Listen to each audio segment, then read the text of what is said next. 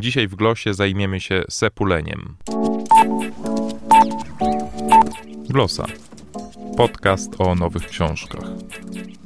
www.glosa.info Paweł Adam Piotrowicz, zapraszam. Czy macie kacierz? A jeśli nie kacierz, to chociaż żonę. Nie? To z sepulenia nici. Bez żony nie ma sepulek. Co to są sepulki? To tytuł książki z podtytułem Wszystko o Lemie. Wojciech Orliński napisał świetny leksykon o Stanisławie Lemie właśnie pod tytułem Co to są sepulki. Książka ukazała się niedawno nakładem wydawnictwa Znak. A tytułowe sepulki to jedna z wielu zagadek twórczości Lema. Orliński podąża ich śladem. Sepulki pojawiają się w Podróży 14 Dzienników Gwiazdowych, czyli serii opowiadań o podróżniku międzygalaktycznym Ionie Tichym. Tichy leci na planetę Enteropię, na której ciągle o uszy obija mu się słowo sepulki. Widzi je też na setkach banerów reklamowych i zaintrygowany wchodzi do sklepu i prosi o sepulki. Gdy sprzedawca dowiaduje się, że nie dość, że Tichy nie ma kacierzy, ale przyszedł w dodatku bez żony, wpada w popłoch. Tichy wybiega więc z magazynu i idzie do lokalu nocnego. Tam jego pytanie o sepulki wywołuje równie wielkie poruszenie, dlatego, że pyta o nie będąc samemu. Tichy więcej nie podejmuje już tematu, co to są sepulki, pozostaje niewyjaśnione.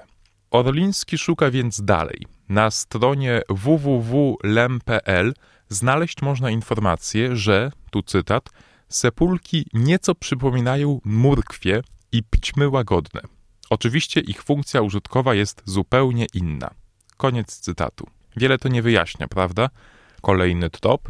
W ostatnim felietonie w Tygodniku Powszechnym z 19 lutego zeszłego roku Lem komentuje pytania zadawane mu przez rosyjskich internautów. Odnosi się też do sepulek, a dokładniej do pytania, które nurtuje wszystkich fanów Lema. Całe życie, od dzieciństwa, męczy mnie jedno pytanie. Co to są sepulki i na czym polega ich kontekst porno? Pyta jeden z czytelników. Lem odpowiada: A bodaj to, ja sam nie mam pojęcia. No cóż, kwestia sepulek na zawsze pozostaje więc nierozwiązana, a czytelnicy Lema mogą bez obaw puścić wodze fantazji. Leksykon Orlińskiego temu sprzyja. Czytając, co to są sepulki, co chwila wertowałem książkę w te i we w te, bo każde hasło ma odnośniki non-stop sięgałem też do pożółkłych tomów tekstów samego Lema, no bo Wojciech Orliński tak zachęcająco pisze o twórczości mistrza science fiction, że nie sposób oprzeć się chęci natychmiastowego przeczytania któregoś z opowiadań Lema czy przejrzenia kilku zapisków z dzienników gwiazdowych.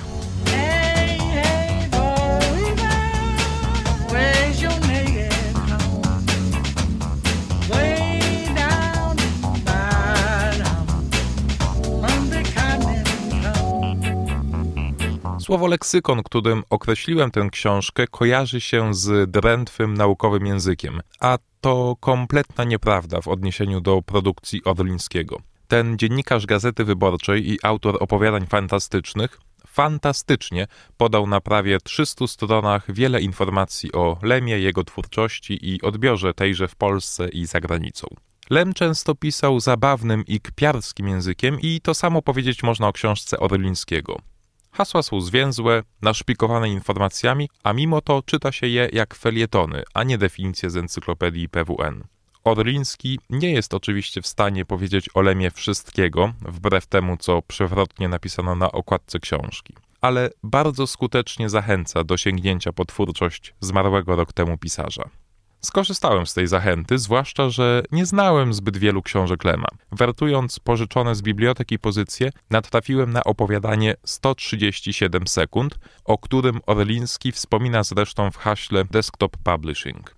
Desktop Publishing, czyli DTP, a więc komputerowe łamanie tekstu, wynaleziono dopiero w 1984 roku.